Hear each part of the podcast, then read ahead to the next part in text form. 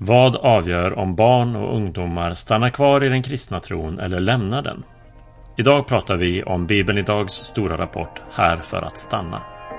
Jag heter Martin Helgesson och du lyssnar på Apologia-podden.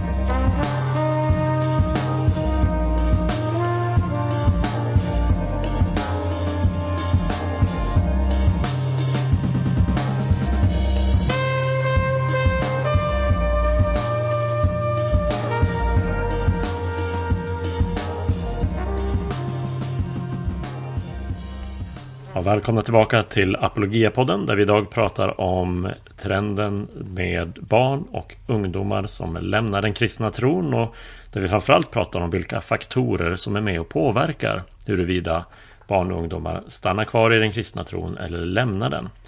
Bibeln idag har gjort ett stort undersökningsarbete och publicerat en rapport som heter Här för att stanna och vi har Olof Brandt ifrån Bibeln idag som gäst i podden idag. Och eh, inte bara jag utan även Ray Baker här på Apologia intervjuar Olof om den rapporten. Innan vi sätter igång med det ska jag passa på att påminna er om Apologia Live. Apologia Live är en serie webinars eller online föredrag som vi kör här i Apologia just nu och den 10 februari Klockan 19 är det dags för nästa Apologia Live. Rubriken är Konspirationsteorier, en kristen respons och det är Stefan Gustafsson som står för presentationen. Och efter den så kan, man, eh, kan alla som deltar ställa sina frågor och rösta på vilka frågor som man vill att Stefan ska Eh, svara på. Konspirationsteorier har blivit en jättefaktor i vårt samhälle. Eh, tycks bara ha fått mer och mer inflytande och dragningskraft på människor den senaste tiden. Eh, inte minst sedan pandemin och diskussioner om vaccin eh, kom igång. Så eh, Kom och var med på Apologia Live onsdag den 10 februari. Dela gärna Facebook-evenemanget.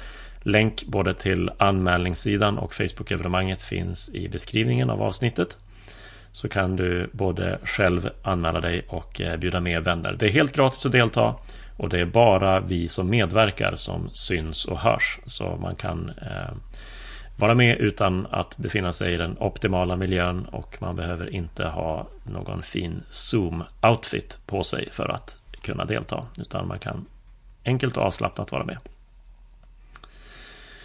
Nu ska vi ta och eh, sätta igång samtalet med Olof och Ray om rapporten Här för att stanna.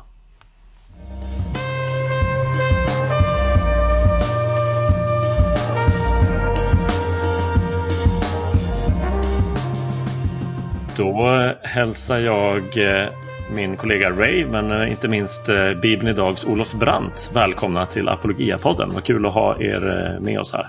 Ja, Tack så mycket. Tack. Ray, du är välkommen tillbaka. Du har varit med eh, förut, även om det var ganska länge sedan. Men Olof, du är ju eh, ny för våra poddlyssnare. Ja, jag gissar att ganska många har, har, hört dig i något sammanhang, kanske via Bibeln Idags podd eller så. Men eh, för de som inte har gjort det, kan inte du presentera dig, vem du är och vad du gör på Bibeln idag? Det kan jag absolut göra. Ja, jag jobbar då på Bibeln idag sedan 2010 och leder arbetet här. Eh, och det gör jag på 60 procent. Övriga procent jobbar jag för Svenska Bibelsällskapet. Så jag brukar säga att jag jobbar med Bibeln 100 procent, men eh, för två organisationer. Eh, och ledare för en liten organisation som Bibeln idag innebär allt ifrån spela in poddar och YouTube-klipp till att eh, just nu sitta med bokslut eller skriva rapporter eller ja, vad det nu än är. Det är liksom allt från kuvert till eh, samlingar i kyrkor. Jag och Ray som eh, också jobbar i en ganska liten organisation kan relatera. Man får göra en hel del som, eh, som kanske inte är ens primära kompetens men som man lär sig göra dugligt. Som eh, för min del att producera en podd till exempel. Det gör jag hellre än bra men det verkar funka ändå. Ehm, vi har ju med dig i podden idag för att prata om här för att stanna-projektet. Innan vi gör det så känner jag bara att behöver vi prata ut om att ni har en rapport och vi har en bok med samma titel? Här för att stanna. Eller hur? hur? Hur blev det så egentligen? Ja, du, jag blev informerad om det här någonstans halvvägs längs vägen och tänkte att ja, ja, vi får väl förklara att det här är lite olika saker. Och ändå så ligger de nära varandra, så att eh, ja.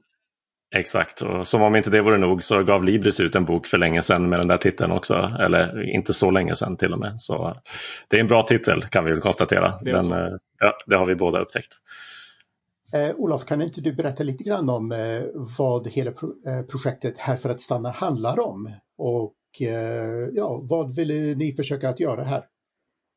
Ja, eh, det hela handlar egentligen om en, en ganska lång historia i, i mitt eget liv där jag jobbade som ungdomsledare och eh, i det arbetet mötte många ungdomar som tog beslut, eh, blev kristna, överlåtna Jesus lärjungar, men som efter ett par år försvann iväg, både från den lokala kyrkan men också en, en hel del människor som helt enkelt lämnade tron. Och jag var så fascinerad över att mina kollegor och, och andra som jag pratade med lite grann ryckte på axlarna över det. Ja, ja, det är så det är. Så det där har jag burit med mig genom åren och Bibeln idag är ju en del av en internationell rörelse som heter Scripture Union och som har upptäckt samma sak egentligen över hela världen. Att vi är duktiga på att göra barn och ungdomsverksamhet, men sen är det inte helt ovanligt att vi tappar människor. Och eh, vi blev utmanade då av den internationella eh, det internationella sammanhanget att titta närmare på de här frågorna.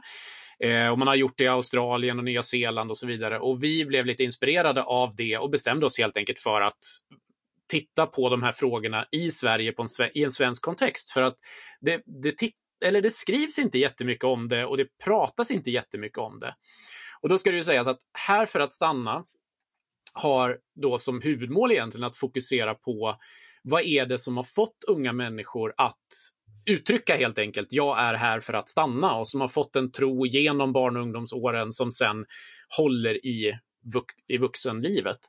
Alltså inte främst en titt egentligen på de som har lämnat, även om det finns liksom med som en, en underton för att de som har stannat är ju bara en del av de som av helheten så att säga. Men fokus har legat på vad är det för saker som finns hos de som har stannat och vad är det som församlingar då jobbar med som är kopplat till de här vad säger, succéfaktorerna kring de som har stannat. Eh, men eh, rent praktiskt, hur har eh, projektet sett ut här i, i vårt sammanhang mm. i Sverige? Det vi insåg då var att vi kunde ju inte bara ta och importera någonting från ett annat land och säga så här ser det ut i Australien eller Nya Zeeland så därför ska vi göra så här, utan vi ville verkligen kolla hur ser det ut i Sverige? Så det som vi har gjort under 2020 är egentligen två stora saker. Det ena är att vi har på nationellt plan intervjuat ungdomsledare, pastorer inom EFK, pingst och Equmeniakyrkan främst. Vi har även haft ett, en del andra referenspersoner från andra församlingar och kyrkor, men det är liksom de tre som vi har fokuserat på för att kunna välja någon flank av kristenheten i Sverige. Eh, och där har vi frågat då om de här olika faktorerna och utifrån några teorier som vi har haft och sådär. Sen har vi också bett människor att lämna sitt vittnesbörd helt enkelt under hashtaggen här för att stanna. Eh, där vi då fått in berättelser från både ledare och vanliga människor i församlingarna som, som men där, det här är anledningen till varför jag valde att stanna. Till det här så har jag då arbetat lokalt i Korskyrkan i Uppsala under ett år med att hjälpa Korskyrkan i Uppsala att ta fram strategier för de här frågorna. Och i det så har vi då intervjuat ungdomar, vi har intervjuat föräldrar, vi har gjort enkäter och, och så vidare för att få fram så mycket material som möjligt. Samt att vi har försökt läsa varenda eh, uppsats eller eh, doktorsavhandling eller vad det nu kan vara som finns på området. Ja, men, eh, eftersom du har tagit del av internationella rapporter, då hade du en viss aning om vad du skulle upptäcka här i Sverige. Mm, mm. Men eh, jag är lite nyfiken på om det var något som var särskilt överraskande eller förvånande som du upptäckte. Jag kan säga att det finns ett par saker egentligen, men den största förvåningen för mig är att en av faktorerna som både lyfts i svenska undersökningar och i undersökningar över hela världen är att om du har kristna föräldrar som är aktiva i sin tro i hemmet, till exempel läser Bibeln så att barnen ser det, eller ber med barnen, eh, då är det mycket mer sannolikt att du efter din ungdomstid stannar i tron eller får en tro som bär genom hela livet.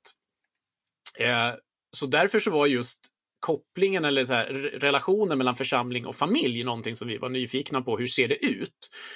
Och en stor sak som framkom när vi pratade med ungdomsledare och, och pastorer och sådär var just att det finns stort sett inget samarbete på många platser mellan församlingen och föräldrarna. Annat, annat, annat än att föräldrarna såklart är en del av församlingen.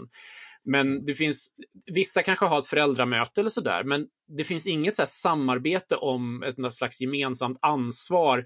Vi tillsammans vill hjälpa den här unga människan, utan föräldrarna på sin kant och kyrkan på sin kant och så hoppas vi att vi på något sätt puttar dem i rätt riktning eller något sånt där.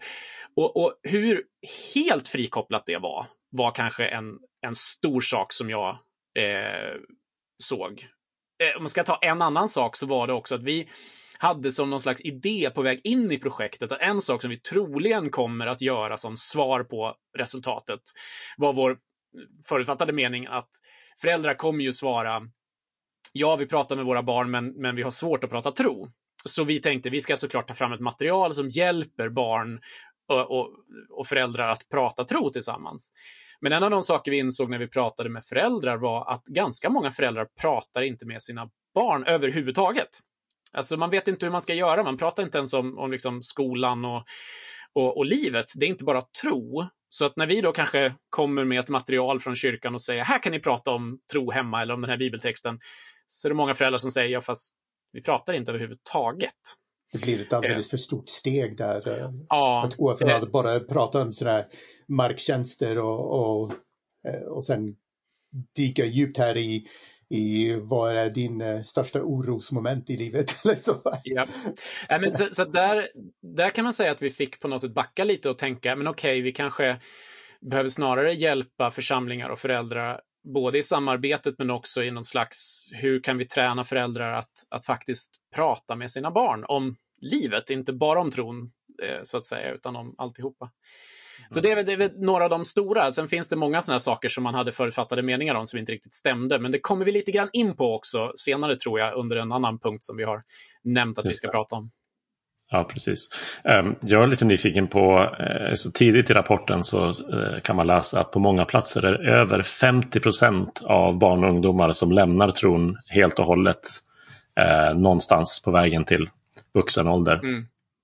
Det här är ju riktigt alarmerande siffror. Eh, alltså man, man blir inte glad av att läsa det, men jag undrar i era intervjuer och så, vilken typ av krismedvetenhet eller liksom attityden kring kring den här siffran. Alla kanske inte känner till den siffran övergripande så att säga, men vad, vad upplevde ni i mötet med dem där eh, ungefär en sån här statistik är verklighet så att säga? Finns mm. det någon krismedvetenhet och uh, hur, hur tänker man om det? Reagerar man på det? Ja, alltså för att svara väldigt kort så kan man säga ja. det, det, finns en, en, en, en, medvetenhet om att man tappar många. Och det, det ska ju sägas innan vi pratar om, om själva siffran i sig också, är ju att eh, det vi har siffran ifrån är ju att vi har frågat alla dessa ledare som vi har ringt till om du uppskattar, så här, mellan tumme och pekfingret, ungefär hur många tror du är kvar i tron vid de här punkterna? Längs resans gång så är det tre mätpunkter vi har. Och eh, så det är ju ledarnas eh, bedömning av människorna som har funnits med. Så, här... så de vet själva om det? Mm. Ja, alltså det här är ju deras bedömning. Sen är mm. det ju så att, att eh, för, som jag säger, den här fokuserar inte på de som har lämnat, vilket gör att det finns ju ett, vi öppnar för ett jättestort forskningsområde här som vi hoppas att någon verkligen hugger tag i och, och drar. Och det är ju att prata med de som då har lämnat. Vad är det man lämnar till? Vad är det man, blir man liksom ateist eller går man till bara till en annan församling? Det vi bad ledarna att säga vad, hur många tror ni faktiskt har lämnat tron, inte bara er församling. Eh, så det här är deras på något sätt svar på den frågan. Sen vad det leder till för reaktion, där finns det ju ett, kan man säga två tydliga läger. Det finns de som är oroade och, och, stressade över att man inte pratar om de här frågorna och som säger äntligen får jag prata med någon som, som intresserar för det här och jag har ingen att prata med i mitt sammanhang och så vidare. Och sen har vi den andra gruppen som lite mer är sådär, ja, ja, det är så det är. Och, och, det är lite svårt att sätta fingret på om det är jag har gett upp eller det är bara så här tron fungerar. Det är bara 50 procent som, eller någonting, vad det nu är då, som, som får behålla tron. Liksom. Eh, så det, det, det, det, är lite olika hur, hur, hur man tänker. Sen finns också, ska ju sägas, i och med att det är flera samfund och flera eh, liksom teologiska inriktningar som vi pratar med så finns ju också idén om att, att du inte kan lämna tron. Alltså det, det, det går egentligen inte att lämna lämna Gud, för Gud, har du valt Gud har Gud valt dig och då är du kvar. Och då är ju den frågan egentligen helt irrelevant om man har den teologiska inriktningen. Eh, mm. har inte vi, nu tror jag då personligen att det är fullt möjligt att lämna tron, eh, men vi ska också belysa att det är klart att den riktningen finns och skulle vi till exempel göra en sån här ny samtalsvända med, med Svenska kyrkan så tror jag att vi hade fått helt andra svar och också helt andra funderingar. Mm. Eh, jag tycker det är intressant det du säger med den här attityden av att men det är så här, så här det är bara. Ehm, jag vet inte om det är exakt det du menar med, med ett intressant uttryck jag stötte på, eh, inlärd hjälplöshet. Mm. Men jag gissar att det är ungefär åt det hållet. Ja. Um, Precis, men det, det, det, är det vi pratar om, alltså just den här att ja, det är så det är. Det går inte att göra så mycket åt saken. Vi gör vad vi kan. Eh, och vad det då innebär i väldigt olika, olika sammanhang vi gör vad vi kan uttalandet. Men eh, ja, det, jo, men det är precis den, det vi pratar om. Ja, ehm, det är ju jätte, det är fantastiskt att ni har gjort eh, det här projektet och gjort alla de här intervjuerna. Det är en jättetillgång. Eh, jag, att vi gör det här avsnittet och, eh, och så är ju verkligen en rekommendation till alla som lyssnar att, att sätta sig in i rapporten och så. För det är en, en, verkligen en tjänst till kristenheten i Sverige här som ni har gjort. Vi um, kanske ska berätta var man kan uh, hitta den här rapporten och läsa den. Ja, alltså, enklast är ju att söka på här för att stanna eller här för att stanna.se så finns ju allt material eh, och då finns både rapport och föreläsningen och, och kring material och så där som man kan titta. Eh, och det är ju det är viktigt att säga, det här är ju inte en rapport där vi på något sätt men så här är den färdiga bokprodukten, läs den, gör som det står, så blir det som det står, grejen. Utan det, varje avdelning avslutas med det här är frågor som du behöver ställa i ditt sammanhang. Och det, är ju det, det här är ju tänkt att vara just en diskussionsstartare. Och sen kanske man inte ens håller med om att vissa saker är alarmerande eller är ens ett problem. Men jag tror fortfarande att vilken egentligen kyrkoriktning du än kommer ifrån, så frågorna är aktuella i alla våra sammanhang. Det var en sak i rapporten som eh, jag tyckte var särskilt intressant och, och eh, du sammanfattade lite grann eh, någonting som en norsk forskare som heter Erling Birkedal har skrivit om eh, att det finns tre komponenter som ingår i, i arbetet bland barn och ungdomar. Och liknelsen var lite grann av en, en, en pall med tre ben. Där det finns det, det sociala benet, det, det känslomässiga eller emotionella benet och sen det kognitiva eller intellektuella benet.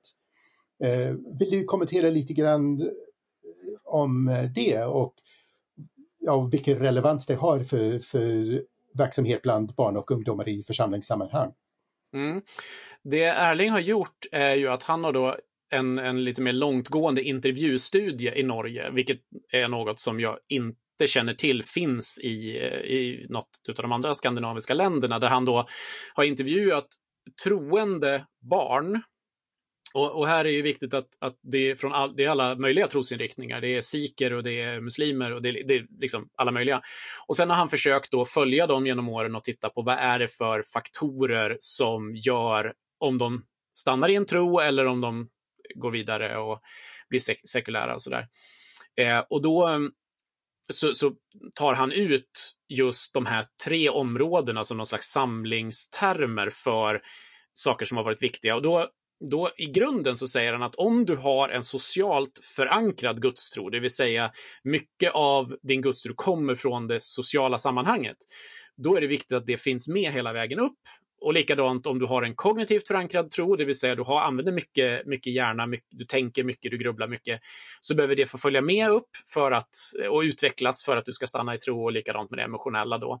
Men som starkast är det när alla dessa tre faktorer finns med.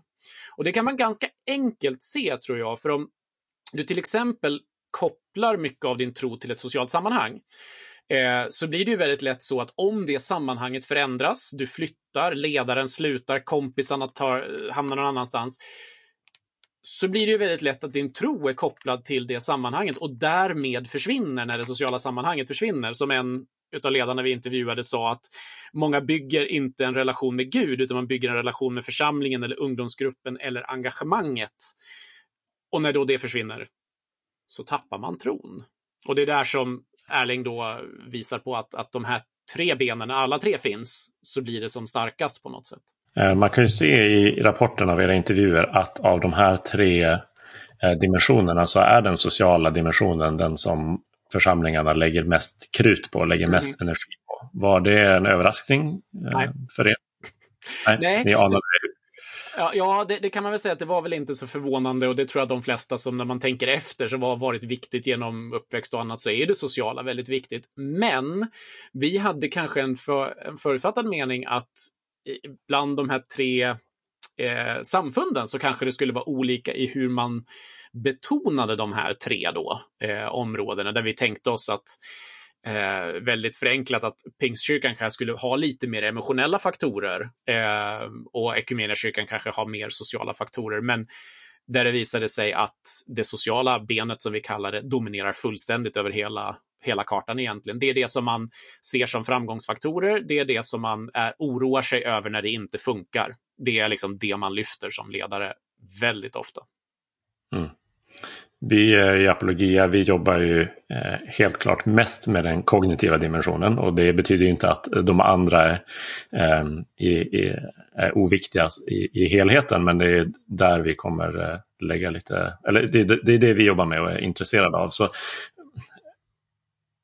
jag kan ju tänka då när jag ser det här att den kognitiva dimensionen verkar lite eftersatt helt enkelt. Och hur, hur tror du det kom, har kommit sig att det, eh, kommit sig att det blivit så här? Att, att den kognitiva dimensionen inte lyfts fram mer? Är det att man underskattar vikten av den eller att man inte vet hur man ska komma åt den eller upplever det som eh, ointressant för gruppen man jobbar med? Vad, vad tror du är bakgrunden? Jag tror att det är en rad faktorer eh, och jag tror inte jag lyckas täcka in alltihopa här, men vi kan ju försöka svara lite grann i alla fall. Jag tror att en sak är att när man jobbar med framförallt kanske yngre tonår så tror man att det är en sån sak som de inte vill ha. Eh, det finns en ganska tydlig och det här är ju flera ledare nu som börjar utmana lite grann just att det finns en idé om att Ja, men förut var kyrkan rigid och eh, nästan fundamentalistisk och man hade sina idépaket. Och sen svängde den där pendeln över och så skulle kyrkan vara bara en välkomnande plats där, där vi pratar ingenting egentligen om tyck vad du vill, var vem du vill, bara du kommer hit. Liksom. Och lite just nu så verkar det som att det finns liksom Just nu finns hos ledarna i många församlingar finns kanske det där hängkultursbehovet kvar. Men om man tittar på vad yngre generationer vill ha så kanske de snarare kommer att säga, ja men ge mig någonting att bita i, ge mig någonting att, att liksom brottas med, ställas, eh, ställas emot och så vidare. Ställa sin tro emot och, och få ställa de svåra frågorna och så där. Och här tror jag att det finns en ren kulturgenerationsskifte i kyrkan som, som inte är fullt genomfört, där ledare kanske Ja, men kom här, häng, spela tv-spel, spela pingis, gör vad du vill. Men många ungdomar kanske då säger, ja, men varför ska jag vara här istället för fritidsgården? Eh, så där tror jag att det finns en, en utmaning till ledare att fundera på, okej, okay, det kanske inte bara ska vara ungdomsgrupp som det var för mig en gång i tiden, utan en ungdomsgrupp så som en 14-åring idag behöver. Och det är inte nödvändigtvis samma sak. Eh, Josefina Renius till exempel, EFK, pratar mycket om det här. Eh, så att, eh, är ni nyfikna på just den tesen så kan ni säkert söka på hennes namn. Den andra delen eh, som, jag, som jag tror har med det här att göra är också att i en tid där vi är ganska försiktiga att sätta ner foten i allmänhet inom kyrkan, eh, så, så blir de här frågorna väldigt känsliga för oss. Alltså det, det, det, är någonting som, ja men hur ska vi då svara så att, för, för en, en 15-åring som kommer vill ju oftast ha ett rakt svar. Man vill inte ha en halvtimmes föreläsning med å ena sidan och andra sidan, utan bara svara hur är det? Och vi vill inte riktigt göra så. Och där tror jag att vi kanske då hellre bara backar och säger ja, det finns många åsikter i den frågan eller många tankar och så backar man helt ifrån det istället.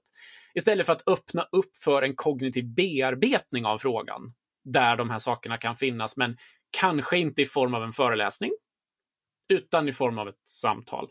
Och det var ju en av sakerna som dök upp att när vi specifikt frågade efter hur, vi, vi presenterade den här teorin en bit in i intervjuerna, och så frågade vi efter, så hur jobbar ni då till exempel med de svåra frågorna i tron?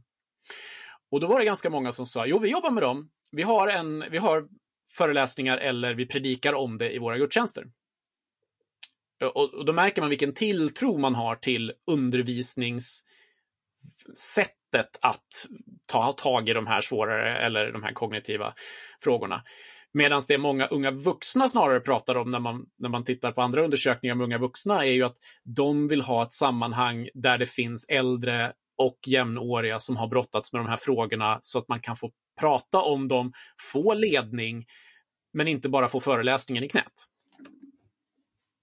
Så man vill inte ha eh, färdiga svar utan eh, få någon slags forum där man kan eh, ja, fundera lite högt och diskutera sina frågor och sina tankar. Alltså, utan att man blir dömd för det. Definitivt utan att man blir dömd, men jag tror också att det är viktigt att det finns, eh, att det finns svar att få. Eh, alltså att det inte bara är flytande, för då kan man gå var som helst annars i samhället också, så kan du få tycka vad du vill. Utan du som ledare får gärna stå för någonting, men var beredd att svara på varför. Var beredd att liksom jobba med frågorna tillsammans med dem, och vända och vrida på deras argument.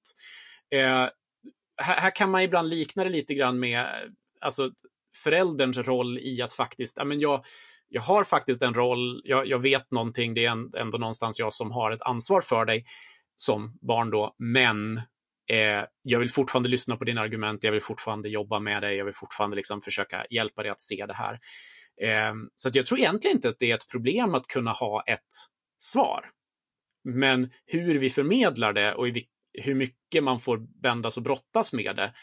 Eh, och det, kan ju, det behöver ju inte bara vara det, det, är viktigt att det inte bara är liksom dopfrågan eller hbtq-frågan eller vad det nu är, utan att det också handlar om varför ska vi ha orgelmusik i kyrkan? Alltså, hur ser vår tradition ut? Att de frågorna också kan få lyftas och pratas om och kanske ta med Sigrid 80 så att hon får prata om varför hon uppskattar orgelmusiken och hur kan vi prata om det här? Alltså, att öppna upp för de samtalen. Ja, men det, det, är ett väldigt stort glapp där mellan den här idealbilden där vi har ett öppet forum där man kan eh, diskutera frågor fram och tillbaka och eh, presentera svar och, och skäl för varför vi tror och vad vi tror på. Eh, ett stort glapp mellan det och verkligheten så som den ser ut just nu i kyrka X här någonstans. Uh, för att i själva rapporten när ungdomsledare beskriver just vad som ingår i den kognitiva delen mm. så är det oftast något i stil med, ja men vi har en andakt uh, varje ungdomssamling. Mm. Och då är det en andakt på, ja, på fem minuter, tio minuter någonting och ja. Uh, ja men Jesus älskar oss och Jesus är jättehäftig och sådär. Och, det, och då hamnar man ju ganska lätt i och det är det vi menar med att det sociala benet dominerar så starkt. Då bygger du ju oftast en väldigt stark social plats eh, där det hela bygger på att du trivs som, liksom, ja, men det är aktiviteter som du trivs med, det är ledare som du trivs med, framför allt andra människor som du trivs med. Eh, och om då den ungdomsledaren flyttar så försvinner halva ungdomsgruppen. Och det är ju inte riktigt så som vi hoppas att det här bygger, utan vi hoppas ju kunna ge en, en, en personlig relation till Jesus som, som håller även om det inte sociala sammanhanget är starkt ett, ett tag. Och där kommer ju det kognitiva och det emotionella in. Och att jag, det, det jag tror att, och det vi utmanar till i rapporten är just att börja fundera på sin verksamhet på de här sätten, alltså med de här hur fyller vi det kognitiva behovet? Hur fyller vi det sociala? Hur fyller vi det emotionella? Eh, eller ger ut möjlighet för det här. Och det måste ju se olika ut i olika åldrar för olika personer. Och det är det som gör det så jobbigt. Det finns liksom inte en färdig mall. Så här gör du vid 8, 10, 12 liksom. Utan, ja men okej, okay, hur, hur, jag tror att du kan tänka kognitiv bearbetning med en tioåring. Men du kan också göra det med en 23-åring, men det måste se olika ut. Men eh, Olof, eh, eftersom vi är intresserade av apologetik här och vi anser att apologetiken är en viktig del av den intellektuella bearbetningen av den kristna tron för många av oss som är vuxna. Men vilken roll spelar apologetiken för ungdomarna och deras uh, tro och den intellektuella er bearbetningen av den kristna tron? Det, det enkla svaret är att jag vet inte riktigt. För att eh, dels så fanns det inte, det, det, fanns med som så här, hur pratar ni om den här typen av frågor när vi pratar med ungdomsledarna? Och då var det som jag nämnde tidigare att man, ja, man undervisar helst om det, man kanske inte har så mycket samtal. När det gäller ungdomarna själva så ligger apologetik, om man bara frågar rakt ut, eh, så, så ligger det oftast ganska lågt på intresselistan. Om man däremot ställer det, prata om svåra, svåra frågor eller eh, förstå hur andra kyrkor tänker. Eller alltså om man ställer om det så att det är liksom det som politik innebär. Eh, försvar av kristen tro, hur, vad ska jag svara min klasskamrat som är ateist eller sådana här saker. Då, då hoppar det oftast upp i listorna.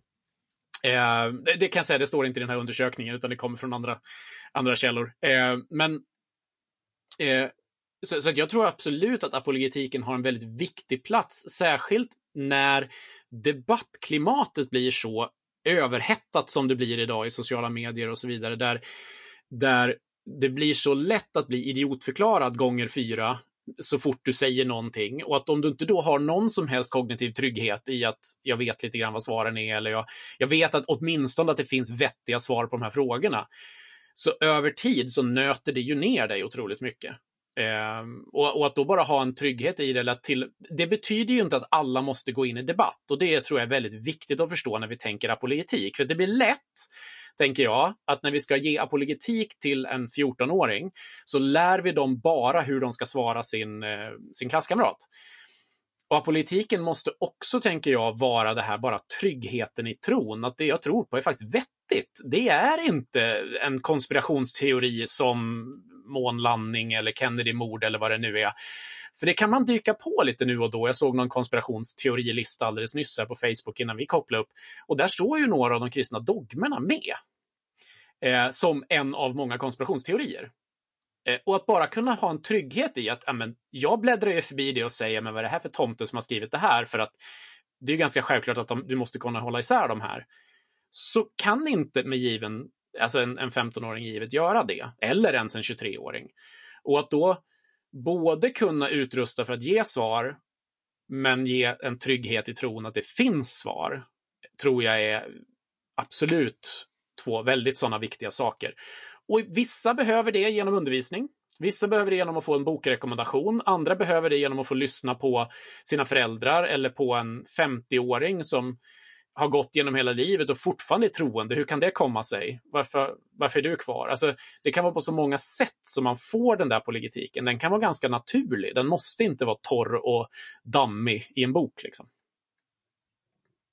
Nej, men det, det tycker jag verkligen eh, det du lyfter fram här eh, är någonting som är viktigt för mig. Att apologetik inte behöver och ska förmodligen ganska sällan vara något väldigt uttryckligt nischat. Liksom, som man gör en gång och avverkar och som är det allra mest eh, liksom, spetsiga eller mest djupgående eller som alltid har som syfte just någon typ av um, ja, att, att vinna diskussioner utan det handlar väldigt mycket om att skapa en trygghet att det finns svar på, eh, på eh, dina frågor.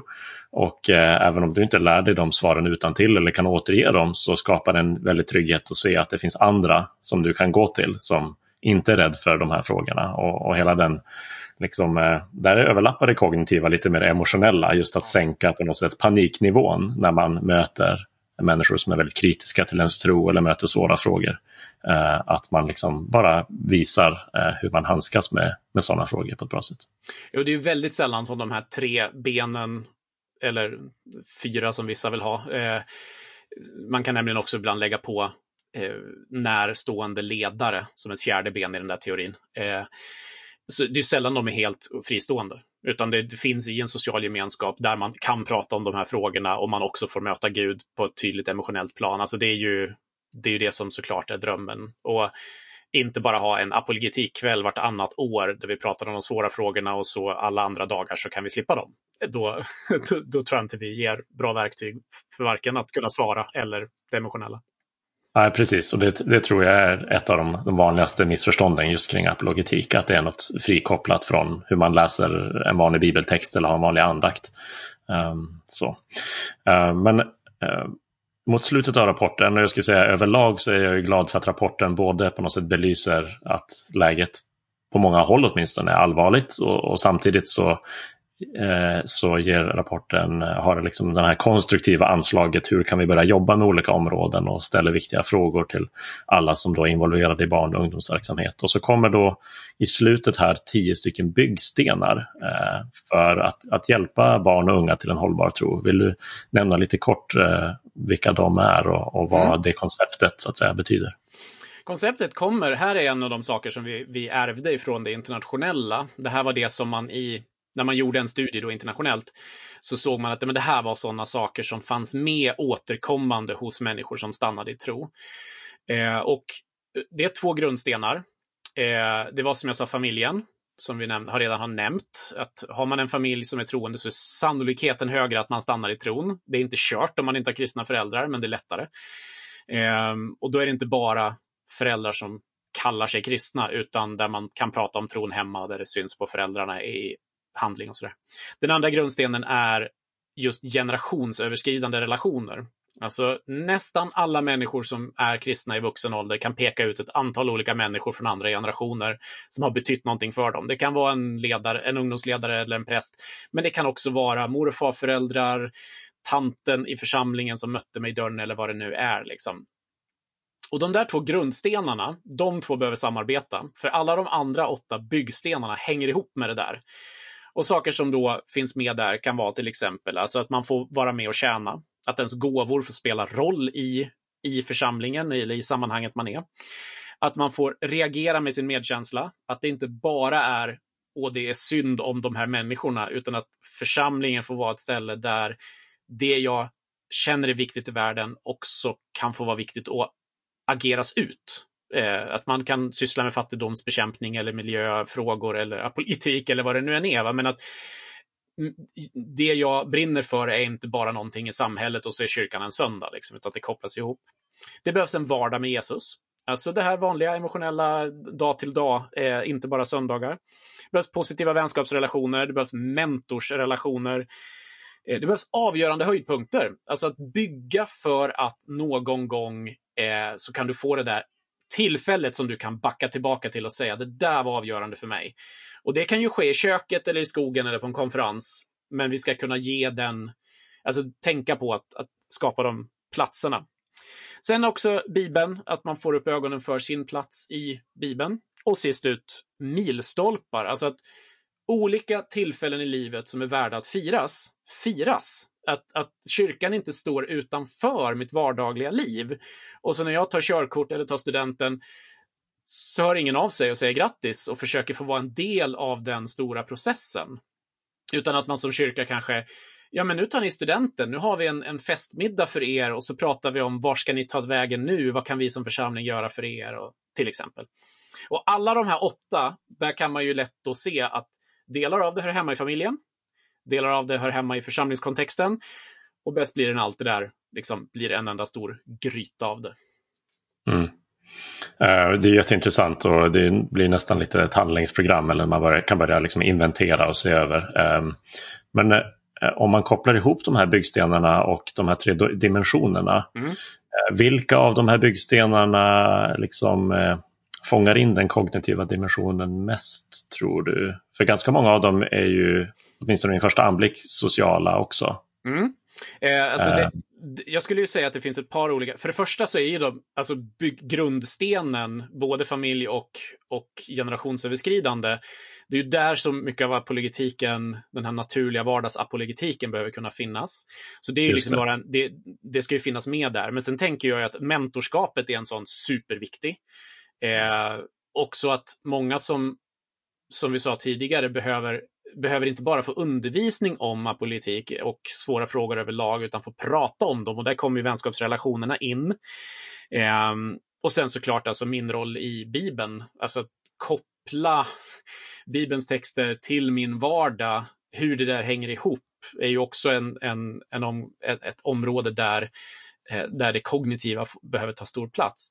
Men jag tror att det bästa sättet att tänka egentligen är att lägga alla de på, på, i ett raster där du har de tre åt höger och, och de tio upp och ner så att säga. Och så, så säger jag, men okej, hur kan jag tänka kognitivt kring tjänande?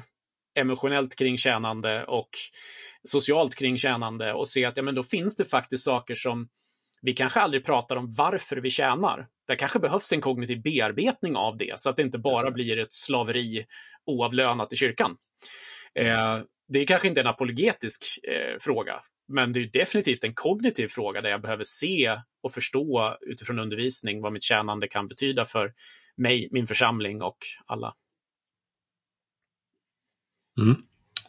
Tack, intressant. Eh, jag tycker det är, det är intressant det du säger att, eh, att de här dimensionerna kan gå, i, gå igen lite överallt och att mm. de överlappar med varandra. Eh, jag tror det är ett väldigt sunt och, sätt att tänka på det. De här tio, de är ju Alltså, de är ju tänkt att kunna användas i en planering. Jag har en kollega i Australien som tog det här till sitt hjärta och bestämde sig för att planera sitt, sitt läger med tolvåringar så att allt det här skulle få plats.